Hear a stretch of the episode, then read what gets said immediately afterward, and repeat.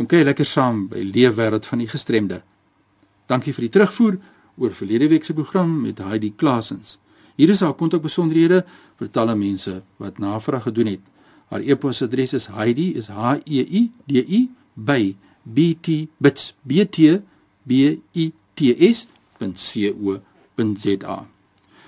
Nou vandag gesels ek met Johnny Rudolph en sy gaan met ons haar leefwêreld deel. Sy is iemand met sigverlies en ons gaan kyk na haar lewe saam met 'n gidsond. Welkom hier by RSG. Baie dankie. Lekker om jou te hê. Uh vertel ons, kom ons begin by die begin. Hoe het jy blind geword? Ek is gebore met die oogkondisie en um, dit is RP en makulêre degenerasie, keeltjie distrofie. Ehm um, en maar ons het nooit geweet nie want ek kon so te sê vol gesien het. En toe ek so ehm um, in graad 1 is, met ander woorde 6, 7 jaar oud, toe 'n suster by die skool gesê maar daar's iets lekker fout, daar's iets fout met my oë.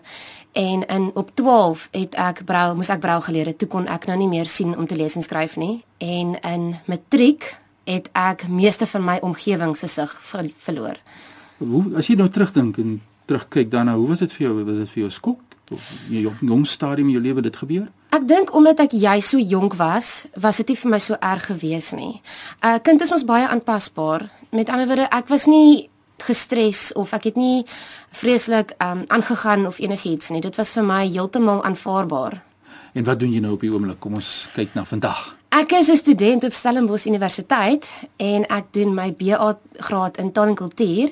Die droom is om by ehm um, die journalistieke departement in te kom. Wat en, ek wil graag doen. Ja, en hoe toeganklik is die universiteit?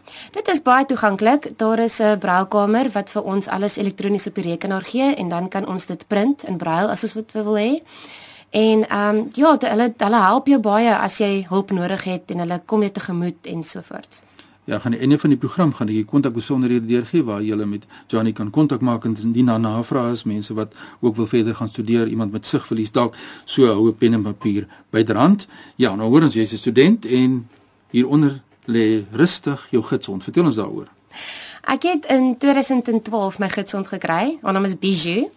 En sy jy kry eers 'n hond nadat jy met matriek klaar gemaak het. Ehm um, want voor dit het jy nie regtig 'n hond nodig nie, veral nie in die klas nie. Ag honde gaan nie lekker werk nie. Ja. En ehm um, toe het ek haar in my tweede jaar gekry en ag sy help my so baie. Sy's eintlik 'n wonderlike ou dingetjie. Ja, sê vir my, daar's baie keer mense wat nie weet hoe om teenoor 'n gesond op te tree nie en baie keer is mense besig met die gesond en hulle jy weet eh, is eintlik 'n steurnis. Wat sou jy vir mense sê die een belangrike ding wat hulle nie moet doen met jou gesond nie? Ek sou eerder sê die ding wat mens moet doen is stop my, praat met my en vra, kan ek aan jou hond vat? Kan ek iets sê? Kan ek vra? Dit is ons is oor die algemeen baie toegemoetkomend en solank mense dit nie aan die hond vat terwyl hy werk nie, ja.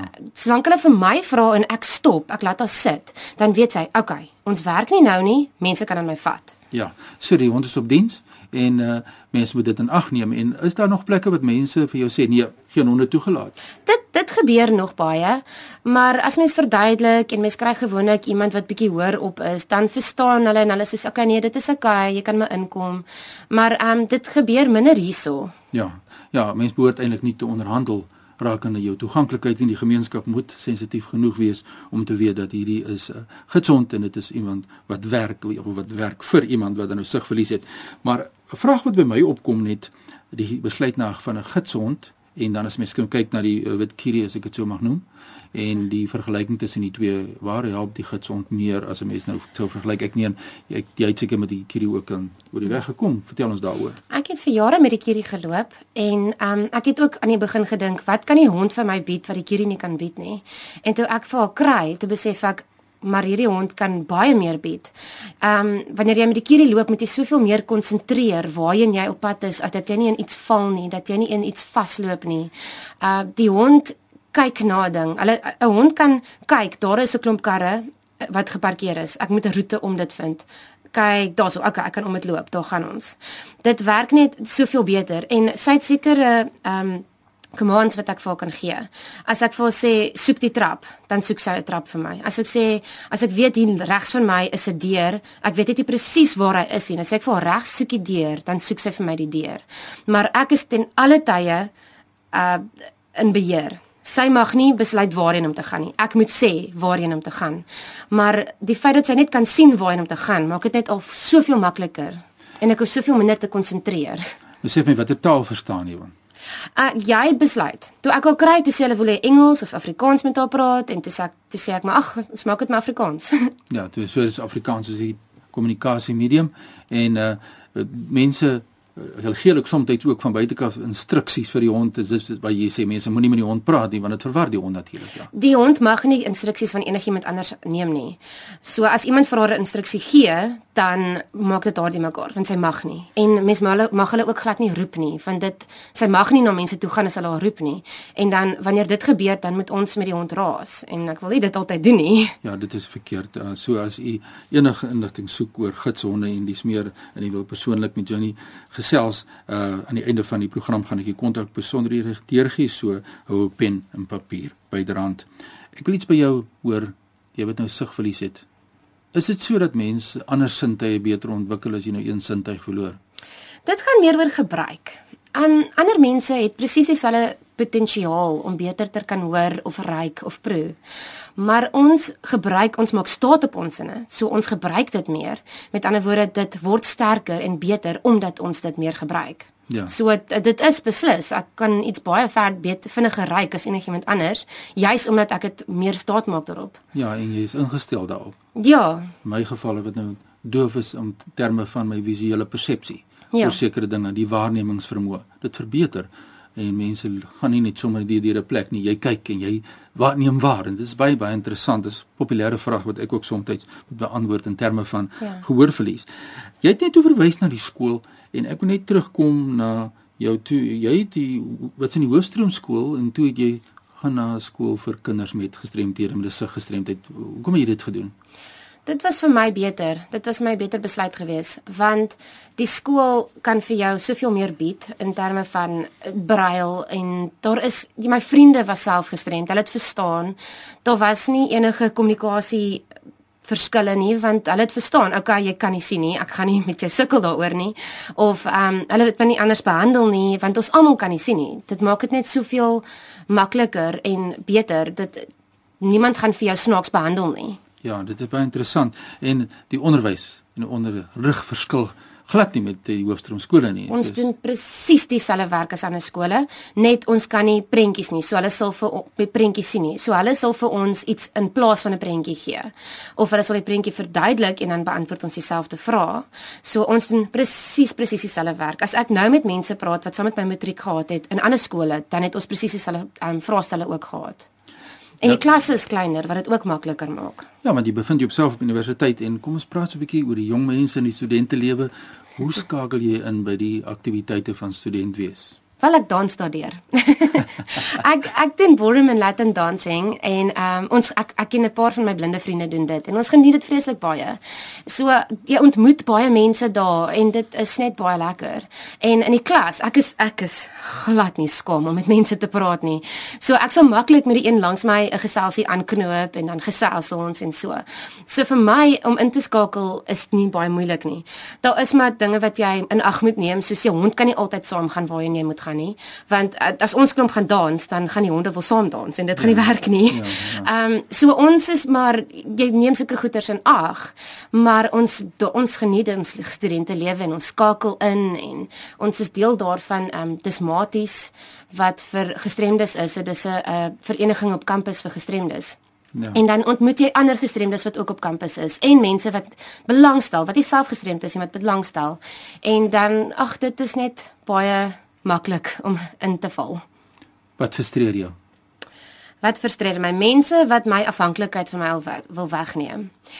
Uh even men, mense wat ek ken, sal dit ook doen. Uh as ek vir 'n feit weet ek kan 'n koppie koffie maak, dan moet iemand nie my kom sê, "Ag kom sit, ek maak vir jou koffie nie."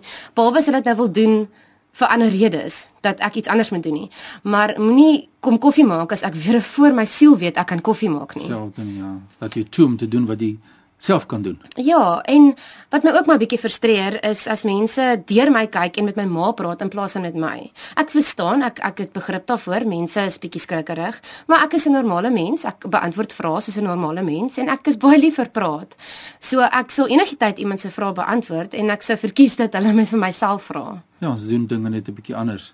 Ja. Jy ervaar lewe miskien op 'n ander wyse en ander uitdagings en ander ondersteuningsstrukture wat jy benodig. Waar sien jy jouself oor 5 jaar? Verkieslik hierso. ek is um, self baie liever soos ek sê ek wil journalistiek doen. Met ander woorde, ek wil met mense werk. Ek wil graag met mense werk. Ehm um, ek sou baie graag miskien ook met 'n radio of uh in by koerant of iewers wil inkom waar ek kommunikasie kan doen. Ek is lief vir kommunikasie. Nou, ek dink daar's baie mense wat nou wil met jou kontak maak om te hoor uitdagings wat hulle het en ja, enige tyd. Nou ja, wat is jou kontakbesonderhede vir ons deur? Ehm um, my e-mail is johnny.rudolf@gmail.com. Dit is J E A N I E .rudolf R U D O L P H @gmail.com. Herhaal hom vir ons asseblief. Okay, dit is weer eens J E A N I E R U D O L P H by gmail.com. Is nou lekker om jou te gesels, maar kom ek gee vir jou nog so 30 sekondes kans. Wat sê jy vir mense met verlies, mense met gestremdhede in die gemeenskap? So laaste boodskapie van jou kant. Moenie laat enigiets jou stop nie. As jy 'n droom het, volg dit. Daar is niks wat in jou pad sal staan nie. Daar is 'n paar struikelblokke, maar jy oorkom dit met alles wat tot jou beskikking is. Ja. En jy het dit in jou om dit te oorkom. Ja, fokus op dit wat jy oor het. Ja, en leef in vir nou, moenie vir jou verre toekoms leef nie. Stappie vir stappie elke dag. Net so. Stukkie vir stukkie en dit is wat die sukses bepaal. Baie dankie. Ek het dit vreeslik geniet om jou te gesels. Uh as u 'n storie het om te vertel asseblief uh kom na vore. Stuur sommer nou 'n e-pos aan my by fani.dt by mweb.co.za. Jy kan my volg op Twitter by Fani Dreams of gesels saam deur middel van Skype. My adres is of my naam is fani.d.23. Ja, die tegnologie maak dit moontlik dat hmm, ons hmm, lekker kan gesels oor die lewe wêreld van mense met gestremthede. Onthou hierdie program word ook woensdaeoggend om 3:15 herhaal. Jy kan die program aflaai deur middel van Potgooi. Besoek net RSG se webtuiste rsg.co.za en volg die instruksies. Nogmaals baie dankie Johnny Rudolph vir die lekker gesprek met jou. Groetnisse.